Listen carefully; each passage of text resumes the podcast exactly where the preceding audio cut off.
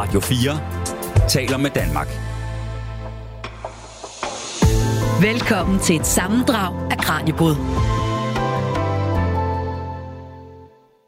Velkommen til weekendudgaven af Radio 4's videnskabsprogram Kranjebrud. Mit navn det er Julie Melgaard Harbo, og her den næste lille time, der dykker vi altså ned i ugens highlights. Og i denne her uge har Kranjebrudsværterne været rundt i landet for at samle historier ind fra de danske arkiver. Og det lyder måske umiddelbart lidt øh, støvet, men det er det altså ikke. For der bydes på historier om alt fra mor til julehjælp, og hvordan rigtig mange danskere altså drog over Atlanten mod USA i begyndelsen af 1900-tallet. Og først så skal vi med Kranibrods Maja Jensen til Slagelse Arkiverne. Her fortæller arkivar Christoph Klinger om det detektivarbejde, som han og en gruppe frivillige lavede i 2020. I 1969 havde en kvinde nemlig indleveret en samling dokumenter, som hun mente havde tilhørt en ukendt officer. Og nu vil Kristoff og hans kollegaer så altså gerne finde ud af, hvem den her ukendte officer faktisk var. Så de dykkede ned i dokumenterne for at blive klogere på mandens identitet. Jamen, øh, historien starter i 1969, det vil sige så ikke så efter vi blev oprettet som arkiv, så kommer der en øh, datter af en lokal avisredaktør ind og siger, her har jeg en samling, som min far havde stående hos sig, den afleverer jeg hos jer. Det er, øh, de her 96 hæfter er fra en mig ukendt officer. Og de her oplysninger bliver, bliver skrevet ned i vores indkomstmagasin, eller indkomstjournal, og så står samlingen som Nyberg samling på vores hylder indtil øh, 2020, hvor vi så siger, det er nu, vi har overskud og tid og mandskab. Vi har nogle frivillige, der, der hungrer efter en opgave, hvor jeg siger, skulle vi ikke prøve at finde ud af, hvem den ukendte officer fra Slagelse egentlig er? Så vi går i gang med at registrere de her 96 hæfter, dele dem op. Der er nogle dagbøger, der er nogle rejsebeskrivelser, der er nogle scrapbøger, og lige pludselig finder vi en artikel, hvor der står en avisartikel, en kronik, hvor der i dagbogen er kommenteret, se hvad avisen bragte af mig i år. Øh, og øh, den her kronik, eller det, det her indslag, øh, er signeret af en Hans Peter Rasmussen øh, fra København. Det er den første, det første hint, vi får. Så går vi videre og læser mere end Hans Peter Rasmussen. Vi begynder at læse i hans dagbøger. Øh, vi begynder også at få Danmarks et indtryk af, Manden er konservativ, øh, en god højremand, han er imod socialisterne, han er imod kvinder. Øh, det betyder ikke, at man er, bare fordi man er konservativ, behøver man ikke at være imod kvinder, men det her er han også. Øh, og det er faktisk også hans kvindefjendskhed, der, der, får, der giver os det afgørende hint. Fordi på et tidspunkt øh, kommer vi frem til hans, øh, det vi læser i hans dagbog, der står der på, øh, og jeg har svært ved ikke at citere eller efterligne kommunelærer Andersen fra Matador, men i den her diktus tror jeg nok, men men vil gøre det, hvor han den 17. oktober øh, i, oh, nu skal jeg lige finde, 1919 skriver, det er så vidt en mærkedag i mit snart 40-årige skoleliv. I det, der i dag er blevet udnævnt et fruen til mig til skoleinspektør på skolen, hvor jeg er ansat et mandfolk har fundet det rådeligt at retriere. Nu vil, man, nu vil, vil man prøve skørteregimente. Det er jo en ikke umiddelbart sympatisk udmelding, vi har her, men det vi jo nu ved er, der er en kvindelig skoleinspektør, vi skal gå efter i 1919. Der findes ikke så mange af dem. Vi finder hende heldigvis, fordi der er kvindehistorikere, der ved noget om, hvem Margarete Petersen var. Hun var blandt andet lærer, skoleleder, og hun blev ansat på en skole i København i 1919 som skoleinspektør. På den måde har vi nu knyttet Hans Peter Rasmussen til en skole i København, og takket, for, takket af den enorme digitaliseringsindsats, der har været rundt omkring, øh, blandt andet også i København, kan vi nu finde ham i folketællinger og følge ham til dørs. Vi går, kan gå tilbage i tid, finde ham i kirkebogen, hans fødsel, vi kan finde, hvem, finde ud af, hvem hans forældre er. Vi har endda et billede af hans far i vores samling. Vi kan gå frem i tiden, vi kan finde ud af, hvornår han dør. Øhm, og på den måde skaber vi jo egentlig de grund, grundfakta, der skal til, for at vi kan registrere noget, som vi får ind i vores samlinger, nemlig en dato, en arkivskaber, hvornår er han født, hvornår er hun død, har han været gift, ja, der har, han, har der været noget, e- har der nogen været efterkommer, og hvad er forbindelsen egentlig her? Så nu har vi basisdata på plads, men det krævede også, at der var fire frivillige, der satte sig ned i en uge, gennemgik materialet, læste øh, de mest sindssyge ting, øh, en, en, mand, en voksen mand kan finde på at sige, øh, og kan så endelig afslutte projektet med at sige, yes, nu har vi dig, vi ved, hvem du, vi ved, hvem du er, øh, og nu er der faktisk 96 hæfter, der venter på at blive analyseret på mere end det, vi har fundet ud af. Vi har jo kun gennemlæst alt det her for at finde ud af, hvornår, hvem er han? Hvem er den her ukendte officer? Han er ikke en officer, han er tegnelærer, han er ikke en gentleman, men han er en god konservativ mand, der faktisk ønsker, at der udbryder revolution i både Tyskland og Sovjetunionen. Det er hans højeste nytårsønske, og det er faktisk det sidste, vi læser i hans dagbøger. Det er det, han ønsker sig nytårsaften 1940. Men sådan en, en vild historie om, at I finder flere og flere brækker i det her, eller I får sat de her brækker i puslespillet sammen, og til sidst kan jeg sige, jamen, det er faktisk den her mand, der er, der er tale om, og det er slet ikke en officer, øh, selvom at det er det, der er blevet, øh, det er det, I har fået at vide, dengang det blev indleveret. Men I fik, eller samlingen blev leveret i 69, og så har den stået i over 50 år, eller 50 år inden, at det, den bliver åbnet op og kigget igennem, når man rent faktisk finder ud af, hvem den her person er er der, er der ikke enormt meget guld så i det her arkiv, som simpelthen står og venter på, at, at ja, det ved jeg ikke, at uh, der kommer en masse tid i kalenderen igen, sådan at man kan læse arkivalierne igennem og finde frem til de fantastiske historier, der gemmer sig. Helt sikkert. Helt sikkert. Altså, vi har alene i min samling er der 2,5 hyldekilometer materialer af både privat karakter fra foreninger, øh, samfundslivet generelt, erhvervslivet, you name it, we've got it. Vi vil gerne have flere ting. det vil vi vel altid. Uh, men ja, det er, det er jo også et spørgsmål om, hvor forskningsorienteret du er, og hvilke spørgsmål du egentlig stiller. Og vi har for det meste et svar, når du kommer og spørger, har I noget om? Eller hvordan ville I gribe det an, hvis jeg vil vide noget mere om? Uh, så har vi som minimum gerne et billede, gerne en arkivfond eller flere, eller... og så en henvisning til, hvor man ellers kunne finde noget. For eksempel hos min kollega Maria i Korsør og Skelskør. Ja. Hvordan beslutter I jer så for, hvordan bliver det lige Nybær, I kastede jer over? Altså når man har, hvad sagde du, to og en halv hyldekilometers øh, materiale, der bare står og venter. Øh, hvor, hvor starter man lige? Vi er jo så heldige, når vi får en indlevering ind hos os, så er det fra folk, der kommer og siger, at det her er et fotoalbum fra bedstemor Olga, eller det her er min lillebrors dagbog. Vi har andre folk, der, der har meget præcise data på det, de afleverer. Det samme gælder for alt det, vi får fra kommunen.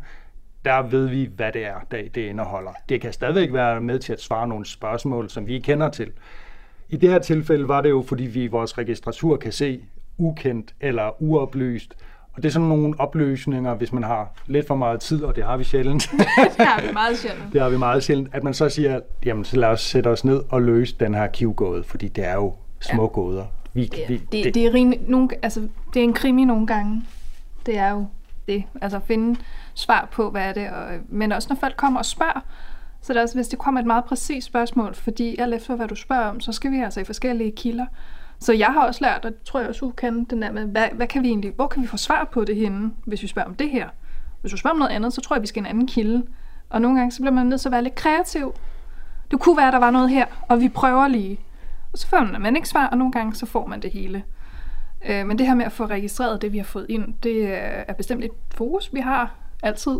Men igen, vi skal også lige have tiden til det.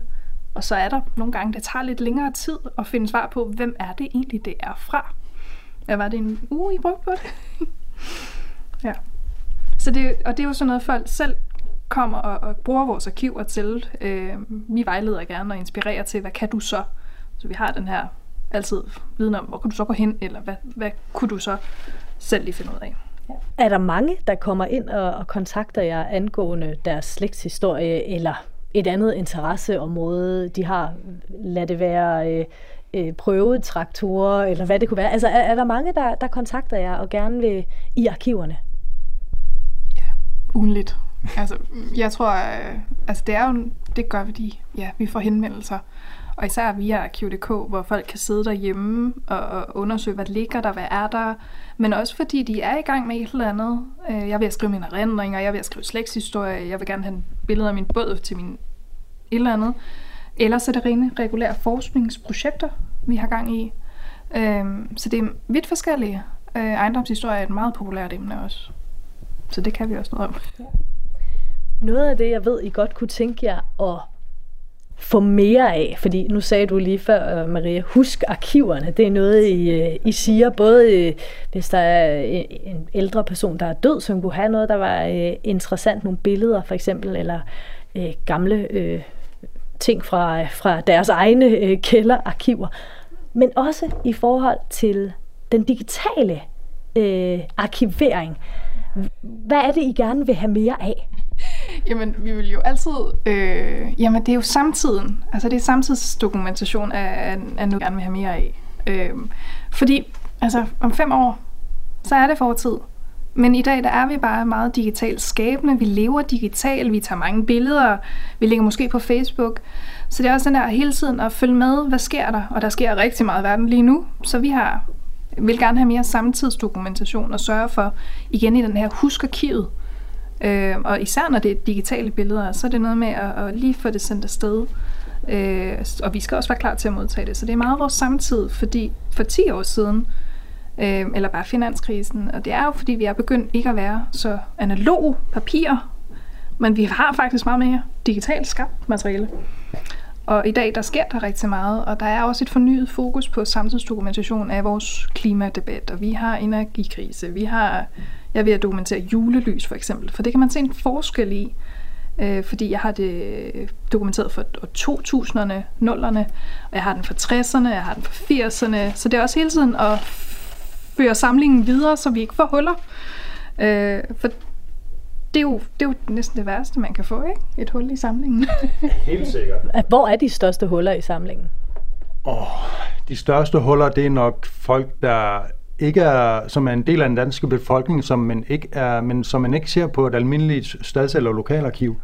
Det kan være indvandrere, efterkommere indvandrere, det kan være Migrantarbejdere. Seksuelle minoriteter, ja. som er underbelyste, selvom de har haft deres virke. Øhm, vi har en enkelt LGBT-forening, som, som har haft deres virke her i byen, men der har vi et enkelt sæt øh, vedtægter og et medlemsblad, ja. og det var det.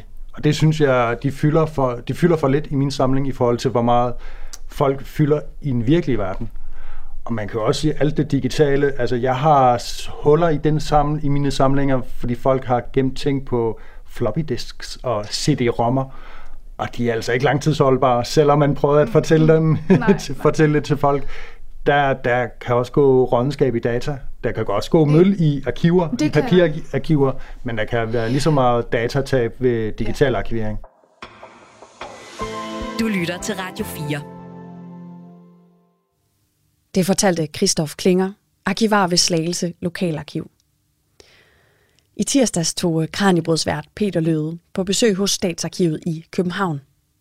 Og her skal vi altså noget længere tilbage i historien. Vi skal helt tilbage til 1700-tallet.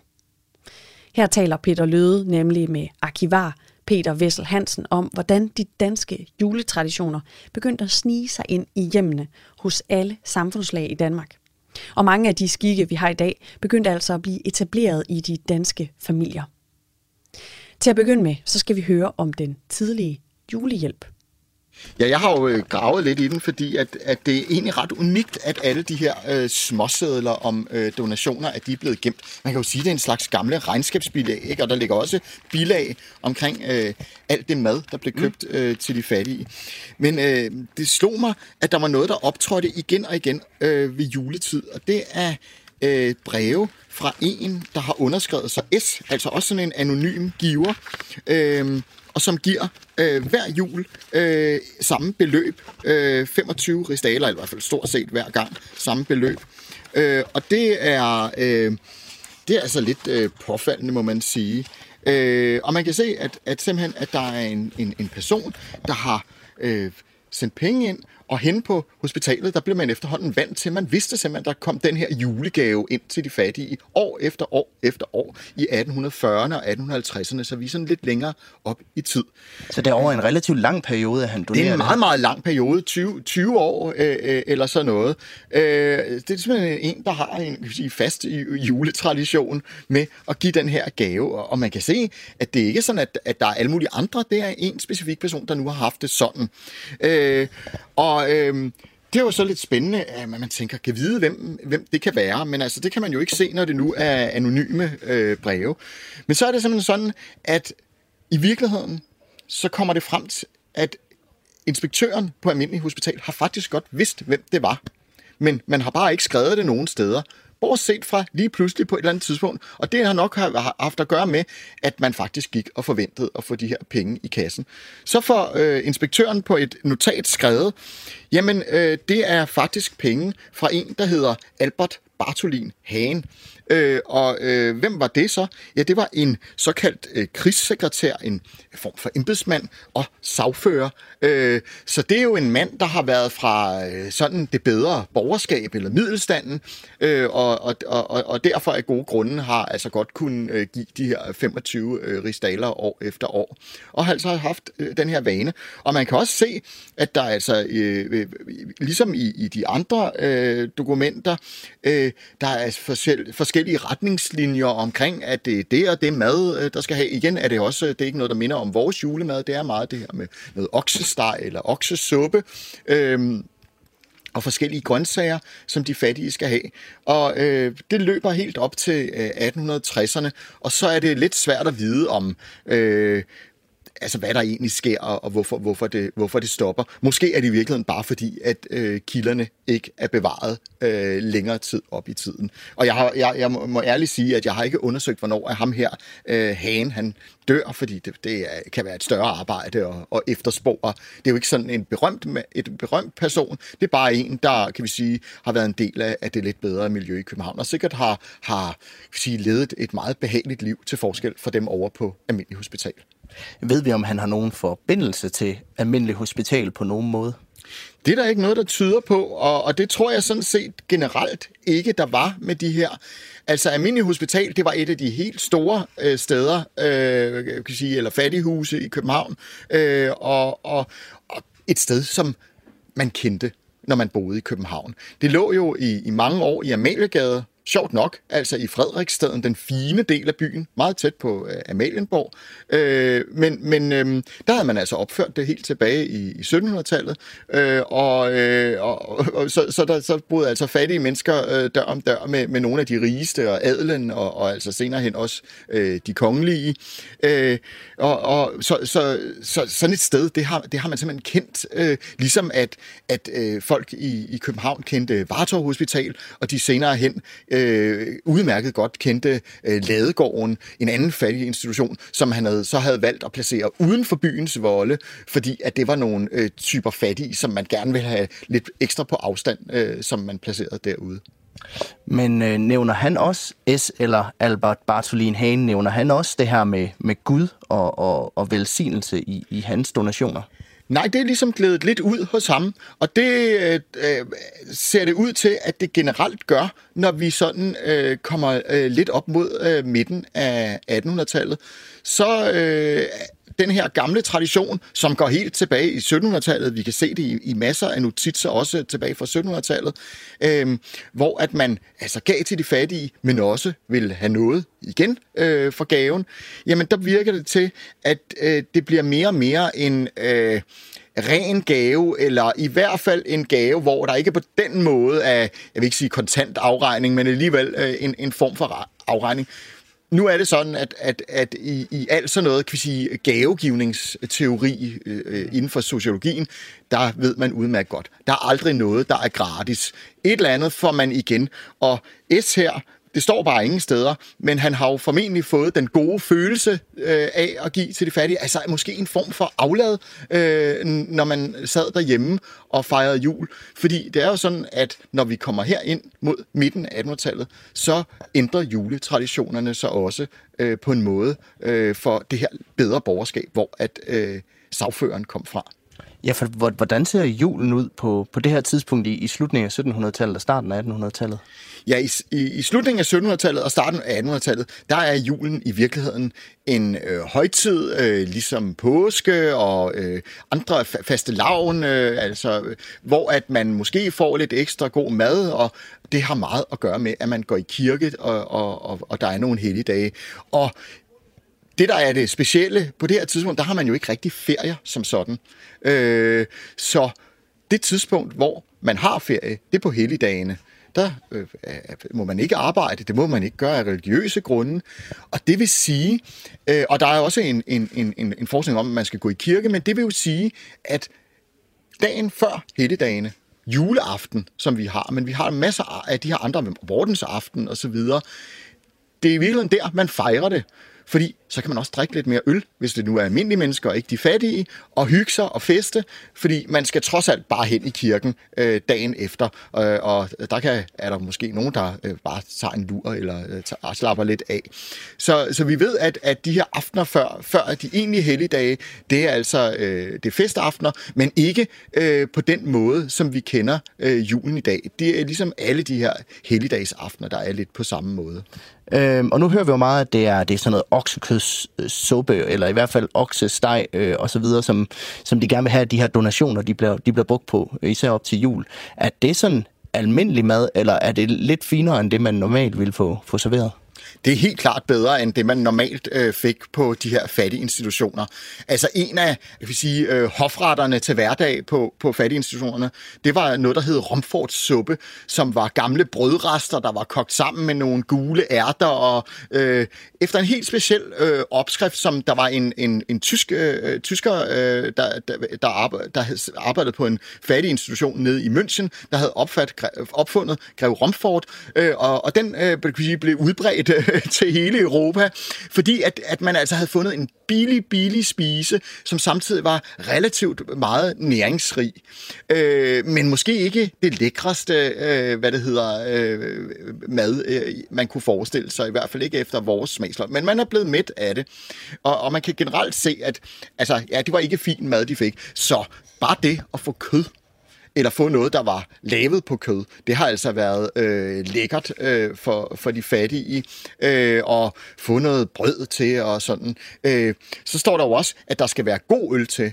Og det er jo fordi, jamen øl, det var egentlig noget, man fik til hverdag, og det var jo simpelthen fordi, at vandet, det, man kunne ikke hive vand op af en brønd og drikke det, uden at, at, at sige, være i stor risiko for at få øh, ondt i maven. Så som til hverdag, der drak man hvidøl, øh, Altså ikke sådan noget sødt stads, som vi får i dag, men bare sådan noget, øh, hvad det hedder, meget alkoholsvag øl. Øh, men her, der skal de altså så have god øl. Det vil sige måske noget, der minder lidt mere om, om noget øl, vi kunne forestille os. Øh, og, og, og det er altså også en, en del af festmåltid, det er at få en, en lækker øl øh, til, som, som fattig. Og nu nævnte du, at her i, her i, i midten af, af 1800-tallet, hvor S også sender øh, de her breve, der begynder juletraditionerne at ændre sig en lille smule. Hvad er det, der, der sker med julen der omkring? Jamen, øh, det københavnske borgerskab, de kan sige, øh, tager nogle øh, juletraditioner egentlig ned fra Tyskland, blandt andet det at have jule, tage et juletræ ind og pynte det op, øh, men også efterhånden at give gaver og øh, alt det, som i virkeligheden øh, man, man kan høre om i øh, sådan noget som øh, højt fortrædets grønne top eller i Peters jul. Øh, alle de her juletraditioner, der begynder man at have, og det er jo en jul, øh, som kræver penge dybest set. For når man pludselig skal til at have lækker mad og konfekt, og man skal give hinanden gaver, og man skal, øh, gud hjælpe med, øh, have et træ, som man bare stiller indenfor og pynter op med ting, og så kan man ellers smide det træ ud igen, jamen, så kræver det jo et vist økonomisk overskud. Og det var selvfølgelig ikke noget, øh, som, som almindelige fattige mennesker, øh, og nu mener jeg ikke bare dem på fattige institutionerne, men i virkeligheden den store del af underklassen i København og alle mulige andre steder i Danmark, at de havde råd til. Så det var i virkeligheden sådan øh, til en start lidt en, en overklasse eller, eller middel, middelklasse øh, begivenhed, det her med julen.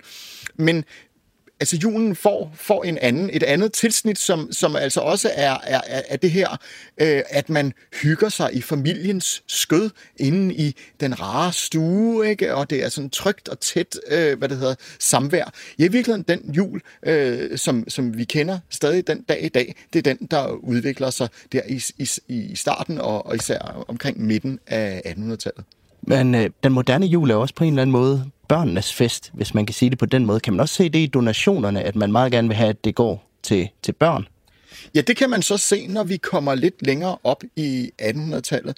Så kan man simpelthen se, at det her pæne borgerskab, der nu har fået de her nye juletraditioner, de begynder at synes, at det er da morderlig synd for de fattige børn, øh, at de ikke øh, ligesom kan få den kan vi sige, glæde og fornøjelse, som de jo kan se, at deres egne børn har ved julen. Det er meget, meget tidligt, øh, at, at man, kan, man kan se, at der kommer den her fortælling om, at det er trist, øh, når man ikke har råd til at fejre jul. Du lytter til Radio 4. Det fortalte arkivar ved Stadsarkivet i København, Peter Vessel Hansen. Jeg hedder Julie Melgaard Harbo, og du lytter til weekendudgaven af Radio 4's videnskabsprogram Kranjebrud. Her serverer jeg nogle udvalgte klip fra de programmer, der er blevet sendt i ugens løb. Og i denne her uge har Kranjebruds værter været på besøg på en håndfuld af landets arkiver for at grave nogle hemmeligheder op. Derfor skal vi nu bevæge os fra Københavns Stadsarkiv til Sydslesvig. Vi skal høre historien om, hvordan en sønderjysk kvinde fra Tønder i 1919 blev skudt, fordi hun med sit barn gik over grænsen i Sønderjylland efter et besøg ved sine forældre, der boede i Ribe. Simpelthen fordi hun valgte at gå over mellem to tolverovergange og ikke ved en officiel overgang. Dengang var Sønderjylland nemlig ikke dansk. Det dykker vi ned i i næste klip, for øh, Kranjebruds Kasper Fris tog nemlig ned for at tale med arkivar og historiker Bo Nørgaard og Mogens Rostgaard Nissen, der er arkiv- og forskningsleder ved det Danske Centralbibliotek. Vi øh, hopper ind i klippet, netop som fortællingen om, hvad der skete med kvinden fra Tønder begynder. Jamen, det er jo lidt en gammel historie, øh, men for cirka 50 år siden, godt og vel 50 år siden, var der nogle førende mænd fra Sønderland og fra, fra Sydslesvig, der gik sammen om at sige, at vi skal have et institut, der undersøger mindretalshistorie. Og vi skal have mulighed for, altså sådan som pendant til, til tysk side, nogen, der fortæller mindretalshistorie hernede. Og det er i høj grad derfor, at den forskningsenhed blev etableret og stadigvæk er øh, som en del af Dansk Centralbibliotek i Sydslesvig, som et historiehjørne for os selv. Hvem bruger ellers arkivet? Jamen, det, det gør institutionerne. Vi har, vi har, det er jo et levende arkiv, kan man sige, så, så der, det bliver brugt for, for eksempel folk, der skal have dansk statsborgerskab her i Sydslesvig. Uh, vi har en del øh, slægtsforskere, som kommer og uh, skal, skal grave i, i slægten, og så har vi så en historiestuderende, uh, som, som kommer herned for at, at, og, og, kigge lidt på sydslesvigsk historie. Uh, nogle, nogle af dem som praktikanter. Og i dag er det altså et radioprogram, der kommer. Og jeg tænker, at vi skal... Øh prøve at gå i gang med at kigge på nogle af de materialer, I har fundet frem til os her. Vi skal lave et nedslag omkring, er det år 1900 er noget af den stil på? Øh, ja, vi har i hovedsagen så er øh, hovedmassen af arkivsmateriale er fra efter 1920, fordi det, der bliver det danske øh, mindretal organisatorisk til. Altså der er en folkeafstemning, hvor at den, den nuværende grænse bliver lagt, og der er en meget stor del af vores arkiv er organisations- og foreningsarkiver, så materiale i dem øh, fra efter 1920. Men vi har også en lang række såkaldte personarkiver, som er, ja, det kan være alt mellem himmel og jord, dåbsattester, øh, eksamenspapirer, øh, hvilesattester, øh, ja, ejendomspapirer, alt muligt. Øh, og det rækker bagud i tid, det rækker også uden for mindretallet, fordi at øh, dansk eller tysk, det er ikke altid lige til at sige. Nogle familier, der er med begge dele, og nogen har svinget lidt, og øh, så derfor så, så, så, så personarkiverne rækker altså både bagud for før 1920, men også ind i det tyske, øh, altså flertalsbefolkning. Øh, og vi, øh, noget af det, som, som øh, det lidt ældre vi har, det er blandt andet nogle øh, tjenestebøger, øh, som tyne, altså tjenestefolkene, skulle have. Øh, og øh, jeg har fundet en her frem her.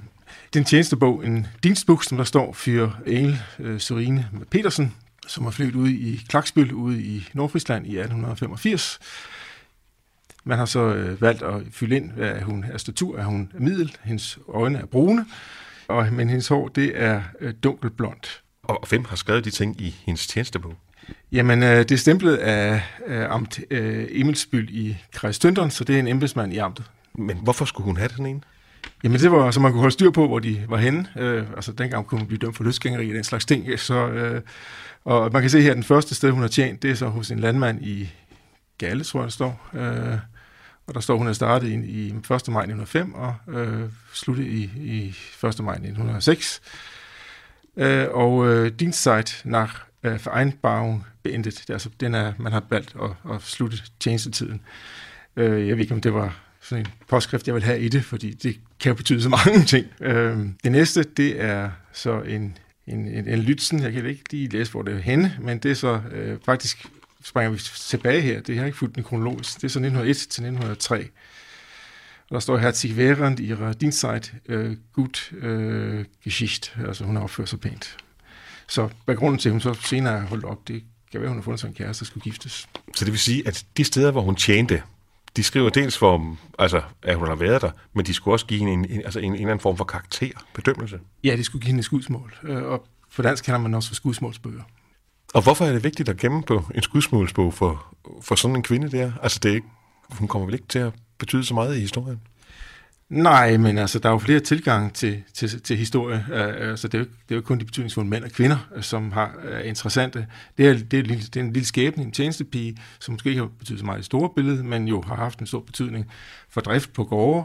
Uh, og ja, der er forskellige former for historie. Der er også noget social historie. Der kunne det måske være interessant at se noget om, om, om hvor hun har tjent, og hvor længe hun har tjent, og hvad, hvad folk har synes om hende.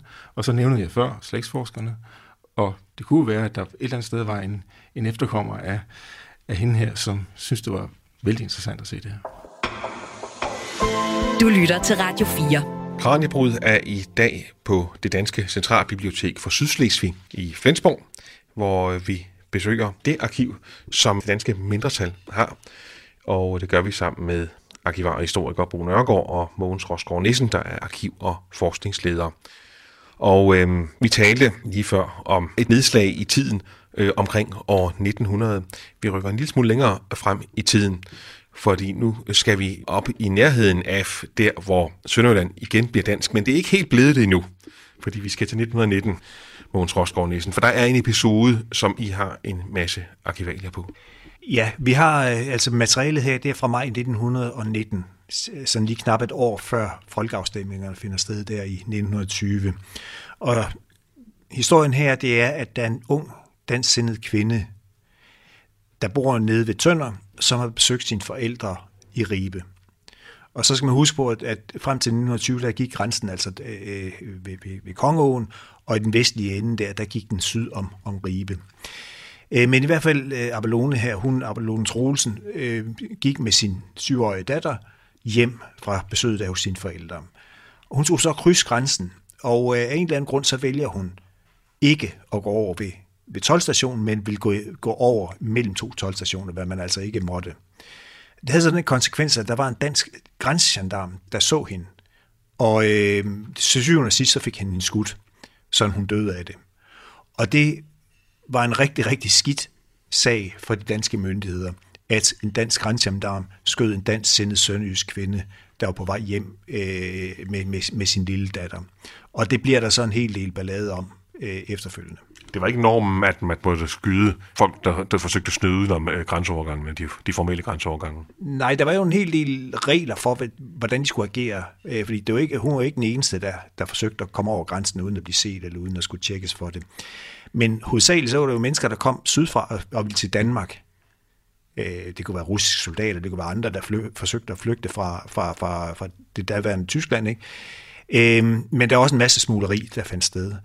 Men der er ikke noget, der tyder på, at Abelone her var, var hverken smugler eller noget, og hun gik jo altså også fra nord til, til syd. Så, så, så historien i sig selv er noget mærkeligt. Altså, øh, det virker som om, hun, der var en lang kø ved, ved den grænseovergang i, i Viding, der ligger der lige syd for, for Ribe. Og hun så har valgt at sige, det, det overgår hun ikke, at, at øh, hun valgte at gå over mellem det og så den næste grænseovergang. Hvad, hun altså, hvad, hvad det fik sådan ret fatale følger. Ved vi noget om, altså, hvordan skudepisoden har fundet sted? Ja, det gør vi, fordi der er tre vidneberetninger af tyske gendarmer, der stod over på den anden side af det, øh, der fortæller om, sådan, hvad, hvad, der, hvad der skete. Og først så den danske gendarm her, så øh, skød et varselsskud. Øh, det, det fik så øh, Abelone her til at falde, falde ned eller dække sig til i, i græsset, ikke? sammen med sin datter. Så på et tidspunkt så rejser Abelone sig op og kigger sig omkring, og står i øvrigt stille ifølge de her tyske vidneberetninger. Den danske grænsegendarm, han går åbenbart over på den tyske side, øh, lægger an til at skyde på sådan en grænsesten der, og skyder hende, øh, hvad hun så altså efterfølgende dør af. Og man kan sige, at de tyske beretninger her fra de tyske gendarmer er bestemt ikke imponeret af det danske gendarm, og øh, den måde også især, hvordan, øh, hvordan man fra dansk side takler det her. Altså, det, det, øh, tyskerne siger, at det er dem, der forsøger at redde hende, hvorimod de danske gendarmer ikke vil gøre noget ved det. Hvilket efterspil er der der, siger du? Det får et langt efterspil, eller forholdsvis langt efterspil, fordi øh, øh, øh kvindens mand øh, var, var selv invalideret fra Første Verdenskrig, før sag an mod den danske stat, fordi han vil have øh, godtgørelse, han vil have stadig øh, erstatning for, at den danske stat via den her gendarm altså skød øh, hans, hans hustru, og ikke havde opfyldt de, de, øhm, de regler, der var for, hvordan han skulle agere. Han skulle have, øh, have, have hvad hedder det, advaret hende mundtligt flere gange, før han skød hende. Så det vil sige, det, det forsøger Karsten, manden der, at få erstatning for, hvad han så ikke får. Men altså som sagt, for de danske myndigheder, der er det en rigtig, rigtig skidt sag, det her, umiddelbart før, før grænseafstemningen eller folkeafstemningen her i, i 1920. Altså, tænker du, at det, at det har en eller anden form for betydning for folkeafstemningen? Jamen, det kommer op i øh, især de lokale medier, øh, men, men også i landsdækkende medier, øh, hvor de store aviser, øh, især den, der hedder Nationaltidene i København, men også Berdenske Tidene, som vi også kender i dag, og andre aviser også, der tager den her sag op. Og øh, der bliver foranstaltet også en folkeindsamling i Danmark, hvor, hvor bidrag yder, det vil sige, det er især blandt i konservative kredse i København, der spytter i kassen, sådan at Karsten, altså den efterladte mand, han alligevel får øh, et vist beløb, kan man sige, efter, efter det her. Men den sag her og de forskellige arkivalier, det ligger hos jer, selvom det er så en kvinde fra Tønder, som er i Ribe, så det har jo ikke så meget med, med Sydslesvig at gøre. Nej, det er jo så også et eksempel på, at det kan indimellem være lidt tilfældigt, hvor materialet er. Altså vores hovedregel, det er, det materiale, vi har hos os i arkivet, det dækker det nuværende øh, Sydslesvig, altså det område, der ligger syd for den nuværende dansk-tyske grænse. Men der er også undtagelser som her. Jeg vil sige, øh, øh det har den, altså i dag, vi er en del af, øh, vi er med på det, der hedder arkiv.dk, den søgeportal, der er der. Så det vil sige, man har mulighed for øh, overalt, både i Danmark, men også andre steder, at gå ind og søge der og få det materiale, vi har. Så det vil sige, en sag som den her, som man kunne sige, det kunne måske lige så godt have ligget ude i Tønder, i arkivet der, eller for den sags skyld i Ribe, øh, arkivet der. Øh, det gør den så ikke, men man kan alligevel finde ud af, at vi har det, hvis man sidder hjemmefra og søger på det. Og det er også almindelige mennesker, der kan søge på arkiv.dk. Det er alle, og øh, hvad skal jeg, de fleste, også mig selv, kan man sige, går, går ofte derind lige for at se efter nogle billeder om et eller andet. Øh, øh, det hus, man er født i, for eksempel, og opvokset i. Det kan være ens forfædre, øh, hvad, hvad der kan være af billeder der. Altså, øh, det er en stor søgeportal i dag, og der er rigtig mange, der benytter den. Giver det nogle muligheder i forhold til den forskning, som I også foretager her i huset, at der er de arkivalier fra, fra andre områder også så nemt tilgængelige? Det er klart, altså vi, fordi meget af den forskning, vi driver her, tager afsæt kan man sige, det materiale, vi selv har i arkivet her. Men typisk vil det jo være sådan, at vi skal også øh, bruge materialer fra andre arkiver, forskellige steder i Danmark, men også i Tyskland, eller for den sags skyld andre steder, National Archives, eller hvor det nu kan være, både i USA og, og, og, og, og i England. Så, så øh, typisk så vi så skulle, skulle ud og bruge det, men, men jo, altså helt klart, at, at Arkiv.dk spiller også en rolle for mig og for os, når sådan vi driver forskning i et eller andet, der har med grænselandshistorie at gøre. Hvor gammel blev Abelone Troelsen, da hun blev skudt der ved grænsen? Hun blev 32 år, men datteren hun overlevede. Du lytter til Radio 4. Det fortalte Bo Nørregård, arkivar og historiker, og Mogens Rostgaard Nissen, der er arkiv- og forskningsleder ved det danske Centralbibliotek for Sydslesvig. I Danmark har vi et udvandrerarkiv. Og der er blandt andet registreret nogle af de over 300.000 danskere, der i jagten på et bedre liv tog over Atlanten i 1800-tallet og begyndelsen af 1900-tallet for at slå sig ned i USA. Kranjebrødets Emma Elisabeth Holtet tog i fredags til Aalborg for at besøge det danske udvandrerarkiv.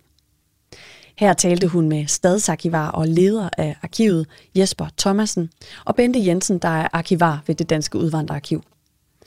Først skal vi høre, hvad Udvandrerarkivet er, og så kan du altså høre om samlingens mest interessante historiske person. Ja, men øh, vi har en hel masse materiale, hvor øh, størstedelen er jo egentlig produceret af danske udvandrere, som er taget alle mulige steder hen i, i verden. Langt de fleste udvandrede jo til USA, det var cirka måske 350.000. Men øh, der var også mange, der tog til Canada og Argentina og New Zealand og Australien osv. Dem, dem dækker vi også.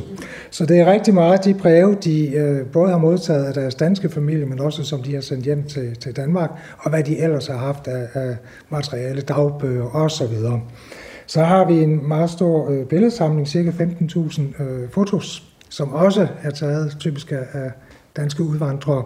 Vi har en bogsamling, vi har en avissamling, danske aviser i udlandet, øh, og så har vi det, der hedder udvandrerdatabasen. Det er ikke os, der har de originale udvandrerprotokoller, der hvor man registrerede, hvem der, der, der købte et billet i Danmark til et oversøgisk rejsemål. Men vi har, vi har stået for et projekt, hvor man har øh, indtastet dem i en database, så det er os, der ligesom huser den database, så det er her, man kan søge på, om nu der er en forfar, der på et tidspunkt har købt en billet til Canada eller til New York, øh, og hvornår var det så, og rejste de sammen med nogen osv. Så, videre. så den er meget flittigt brugt. Men det er ja. den type af materiale. Og det kan vi godt love lytterne, det, øh, det skal vi nok komme ind på senere, altså præcis hvordan de så øh, selv kan gøre brug, blandt andet af den her database, ikke? hvis man er nysgerrig på, om der er nogen i ens familie, der, der er i udvandrerarkivet. Øhm, så altså, hvor langt tilbage går samlingen? Fordi folk har jo altid vandret hende ud af Danmark, så er der sådan en, en afgrænsning tidsmæssigt på, hvor langt tilbage samlingen den går? Altså i princippet så dækker vi jo øh, lige så langt tilbage, man kunne finde materiale fra. Men den store udvandring, den tager jo sin begyndelse i, i 1860'erne primært. Øh, og det gør den jo, fordi man i USA finder ud af, at man godt vil have nogle, nogle indvandrere, der skal hjælpe med at opdyrke prærien. Så derfor laver man en, en lov, øh, som er yderst fordelagtigt, specielt for, for, for folk, der kommer fra landbrugssamfundet. De kan få lov til at, at få øh, et ret stort øh, stykke land øh, i USA, og hvis de dyrker det og bygger et hus på det, så får de lov til at købe det for næsten ingen penge øh, efterfølgende. Og det er meget tillokkende for, for, for udvandrere. Øh, og derudover så vokser, så vokser Europas befolkning rigtig meget i 1800-tallet, så, så det skubber jo også på. Så øh, 1860'erne, det vil jeg sige, det, det er sådan der den store bølge, den, den starter. Mm. Og Bente, når I arbejder med, øh, med brugerne, der kommer her og skal, skal finde oplysning. Hvem er det typisk, der bruger arkivet? Det kan jo godt være tilfældige brugere, som kommer til byen med et øh, krydstogsskib og øh, finder ud af, at de gerne vil gå videre med at se, øh, om de har danske aner, mm. rødder. Og nogen har jo forberedt sig super godt, altså har også været inde og se på databaser på nettet og ved, hvad de skal se efter. Ikke? Og vi har, nogle, øh, altså vi har nogle helt fantastiske historier om folk, der kommer forbi og rent faktisk øh, for eksempel finder det hus i Aalborg, familien er udvandret fra, ikke? hvor man så faktisk kan pege dem hen om hjørnet og så sige, hvis du lige går hen om hjørnet og så tre huse ned, så vil du faktisk, altså nogle gange er huset der jo nu se huset, som du så også kan se i folketællingerne og beskrevet, øh, hvor mange der boede på det tidspunkt, og lige præcis deres familie. Ikke? Så, så vi, Altså, det er sådan den meget typiske person. Så vil jeg også sige, at der er studerende. Øh, det er jo et meget øh, populært emne at, at se på migration og immigration og, og folk, der rejser. Og de kontraster, der er mellem at rejse i tidligere tider og i dag, hvor det så nemt. Ikke? Så, så samlingen er utrolig attraktiv for mange typer til undervisning også, ja. lærere og så videre, så videre. Så det, det er en bred øh, vifte fra slægtsforskning til forskning og så til den almindelige nysgerrige person. Er der sådan kommet en bølge, hvor der er lidt mere fokus på den her del af, af vores historie, eller, eller har det egentlig altid været noget, vi har været interesseret i? Altså, jeg tror altid, det har været noget, man, vi har været interesseret i, men jo, der er kommet en bølge. Øh, og, og det er måske også vinklen øh, på det. Altså, vi, vi, vi kan jo mærke, at medierne for eksempel henvender sig til ofte. Kommer på besøg lige pludselig. Ja, og, og det hænger jo nok lidt sammen med, at, at, at verdens befolkning flytter sig jo i, i, og har gjort det i, i nogle år jo ikke. Altså, der er jo meget indvandring og udvandring stadigvæk, og, og jeg tror, at der er mange, der, der egentlig tænker lidt på, jamen, hvordan er vi egentlig selv som, som et udvandrerfolk, øh, var vi så meget anderledes øh, end de andre. Og, og det kunne man godt tænke sig at få belyst og prøve at lave nogle sammenligninger. Og det er jo altid super spændende at lave sammenligninger. Nogle gange er det også svært, mm. fordi at, at vilkårene i dag er jo helt anderledes, end vilkårene var i midten af 1800-tallet, så der skal man lige huske at tage højde for øh, de forskelle, der er. Men der er, jo også, der er jo også ligheder. Altså for eksempel det der med, hvordan holder man forbindelsen til hjemlandet, hvordan tager man sin kultur med sig, hvornår forsvinder den igen, mm. og så videre. Men det kan vi godt mærke, at det er der stor interesse for. Du lytter til Radio 4. Og jeg tænker, at vi skal til at dykke ned i, øh, i samlingen nu, sådan i, de, øh, i de guldkorn, I har valgt ud. Og jeg er også lidt interesseret i, hvad I hver især så har valgt, og, og hvor forskelligt det er. Hvis vi starter med samlingens mest interessante person. Øh, Jesper, nu kan jeg se, nu sidder du med nogle billeder fremme. Ja, jeg har, jeg har fundet du et- valgt? Jamen, jeg har valgt en, der hedder Gene Hersholt. Jeg tror ikke, der er så mange, der, der kender ham i dag, når jeg er ude og holde foredrag og sådan, så er der i hvert fald mange, der siger, hvem er det? Men faktisk så var han øh, nok den, den, den største danske skuespiller i, i, i Hollywood der i starten af 1900-tallet, okay. og, og altså vidt, vidt berømt. Det er ham, du ser til venstre for Stavning her på det her billede her. Øh, og Gene, han er, han er spændende. Altså udover at han var en berømt skuespiller, som medvirkede i over 400 film, øh, så er han også spændende, fordi han var sådan et samlingspunkt for betydelige danske øh, udvandrere, specielt inden for kulturverdenen. Øhm, og han sad der jo i USA som sådan en, en æderkop og havde trådet ud til dem alle sammen. Og sørgede jo for, at de alle sammen øh, afleverede et eller andet materiale til udvandrerarkivet, for det var han også engageret Okay, i, Rebofesterne og så videre. Men øh, producerede også et lidt enormt arkiv, som vi har her på stedet, hvor, hvor der er korrespondence med, med alle mulige. Vi kan se på det andet billede her, der er ved siden af, der står Gene og hans kone, øh, ved siden af William S. Knudsen, som var ham, der er kendt som The One Dollar Man. Øhm, han, blev, han, han var ansat ved Ford og havde en, en, en fremtrædende stilling der, og under 2. verdenskrig, der blev han sat i spidsen for den amerikanske krigsproduktion. Øh, og han sagde, at det ville han da sådan set gerne, men han ville ikke have noget løn for det, så han endte med at få one dollar okay. i, i, i, i salær. Og han satte, altså det var ham, der, der, der satte det hele på skinner og sørgede for, at de kunne forsyne hele Europa med, med krigsmaterialer osv. Så, videre. så han er jo en betydelig person. På den anden side, ved samme bord, der sidder operasangeren Laurits Melchior, som der nok måske er nogle unge mennesker, der ikke kender, men, men ældre mennesker vil i hvert fald kende ham. Han er jo tidens største, verdens største fortolker af, af Wagner-operaer. Ah. Altså Wagner, han var en kæmpe øh, operasanger. Det er jo en, en, en sjov figur. Han, øh, han er født i København, øh, og, og da han var, var, var barn, hans mor var, var, var død, i en, øh, mens han var lille, øh, der opdagede man jo, at han havde et sangtalent, og man fandt ud af, at han måtte nok hellere komme ind og få noget undervisning. Men det, man har nok ikke haft rigtig råd til det, men heldigvis så havde øh, familien en kogekone, sådan lidt en Laura-type, tror jeg. Og hun havde lidt penge på kistebånd, så hun finansierede det. Hun har nemlig tjent pengene på en kogebog. Hun hed Frøken Jensen. Ah, ja. Så hun fik uh, sendt ham ud og fik lidt uddannelse, uh, og så tog han så selvfølgelig, det var Wagner-opera, så han tog selvfølgelig til Tyskland og blev så berømt, at han kunne købe et gods nede ved Berlin. Men det solgte han i, jeg tror det var 38 eller 39, og så emigrerede han til USA og var egentlig derovre resten af tiden. Og sang på, hvad hedder det, The Mets og, og, og, og så videre, ikke? Så det var, han, var virkelig en, en kendt person, og det er meget typisk for, for Gene der, at han er, han er simpelthen den, der har kontakt til dem alle sammen. Så han sidder der og ja. er, er kingpin på en eller anden måde i, øh, i det der danske miljø. Det er han, ja. Øh, Og vi er vældig glade for ham, fordi han jo netop har, har skrabet rigtig meget materiale ind til arkivet her. Men han har også selv en, en lidt skæg historie, fordi at, at hvis du kan se heroppe, så er der sådan lidt et tekstafsnit her. Det er faktisk et lille uddrag af det, der hedder udvandrerprotokollen. Københavns politi, de registrerede hver gang, øh, der blev købt en billet til et oversøgt rejsemål, mm. så registrerede de det i nogle protokoller. Og den her, det er en registrering fra, fra nu skal jeg se, den, jeg mener, den er fra 1909, ja.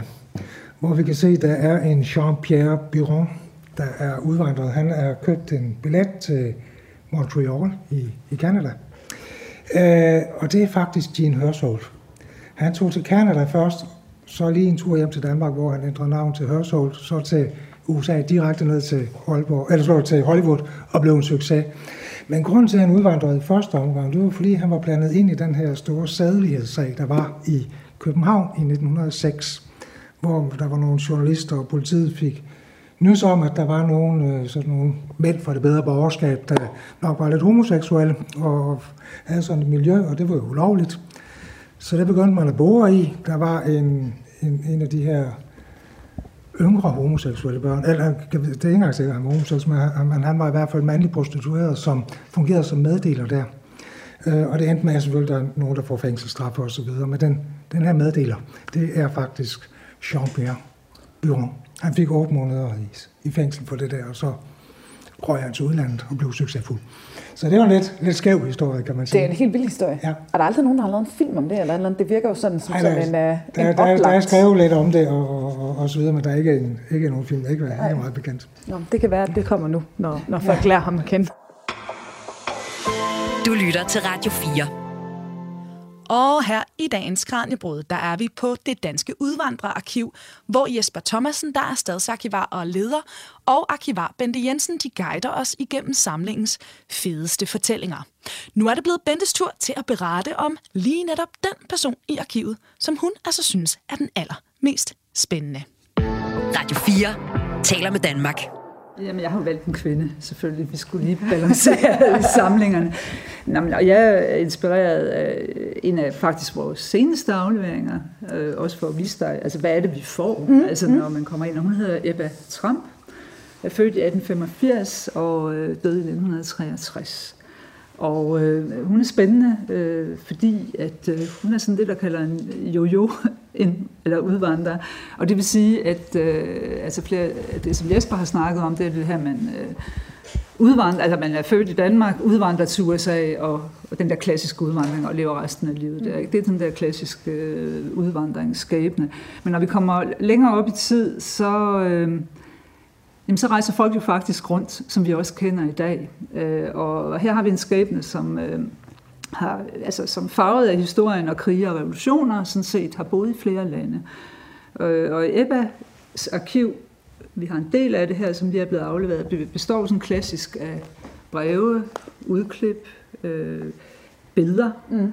som så vi registrerer, ikke? og som så øh, giver mulighed for folk, der så vil fordybe sig yderligere i det, og så sætte historien sammen. Men altså men hendes øh, livshistorie i øh, grove træk er, at øh, hun er dansker, øh, er, er, har en, øh, en øh, baggrund, som er adelig. Øh, hendes far var en von Holstein Rathav, øh, var, havde kontakt til, eller var tysker, og øh, hun havde en opvækst i Værløse, og, og siden flyttede familien ind til, til Frederiksberg. Så altså, vi er i Københavns mm. Øh, efter øh, skolegangen, så begynder hun øh, at læse musik. Så man kan sige, det er hendes første udenlandsrejse. Hun tager til Berlin øh, i 1908 og øh, også studerer musik. Tager tilbage til København og ender så i, øh, i 1911 med at blive gift med Henrik Bækstøft, som er svensker. Og han er spændende, fordi han er nemlig også berejst, og han er importør af kontorartikler, materialer, regnemaskiner, skrivemaskiner, som var en stor ting. Og, øh, og familien ender så med at, at tage til, til Letland, til Riga. Så det vil sige, at hun gifter sig i 1911, tager med sin mand øh, til Riga og, og, og bor øh, der. Og senere får han så job i det dansk-russiske øh, handelskompani, og de flytter til St. Petersborg. Og så begynder vi jo at nærme os en revolution, fordi de bliver der faktisk okay. øh, omkring 1917. Og øh, bor i St. Petersborg, hvor øh, da kampene kommer flytte lidt ud i udkanten af byen, og, øh, og hun ender med at tage tilbage til, til Danmark med deres datter i, i 1918. Så hun tager altså et sving omkring Letland, Rusland, tilbage til Danmark, og bliver så skilt og, øh, og står så med sin datter. Og hvad gør man så som kvinde? En af de ting, man kan gøre, det er noget, som du gør lige nu, det er, at man kan skrive. Mm. Bliver journalist og skriver øh, til øh, forskellige aviser og, og dameblade og så videre, og så videre. Ja, det gør hun, og øh, i øh, 1939 øh, bestemmer hun sig så for at, at udvandre til USA. Og der kan man så sige, ikke, og det er jo også, og der har vi jo flere skæbner i udvandrerarkivet, du sige, ikke? altså som sådan set bliver fanget af 2. verdenskrig. Så hun udvandrer øh, og tager ud faktisk for at blive musiklærer, altså går tilbage til noget af det, hun havde lavet før i Maine mm. hos sin familie. Du lytter til Radio 4. Det fortalte stadsarkivar og leder af det danske udvandrerarkiv, Jesper Thomasen og Bente Jensen, der er arkivar ved det danske udvandrerarkiv. Og mere når vi altså ikke i dag, men du kan lytte til Kranjebrud her på kanalen igen i morgen og resten af ugen kl. 12.10, hvor vi har tema uge om eventyr. Du kan altså i ugens løb høre fra både forskere, eventyr og blandt andet også astronaut Andreas Mogensen om, hvorfor man bliver draget mod øh, vilde ekspeditioner og rejser mod det ukendte. Hvis du er interesseret i at høre et af de programmer, jeg har spillet klip fra her i dag, så kan du altså finde dem alle sammen i fuld længde, både på Radio 4's hjemmeside eller i din podcast-app. Jeg hedder Julie Melgaard Harbo, og programmet her er produceret af Videnslyd for Radio 4. Tak fordi du lyttede med.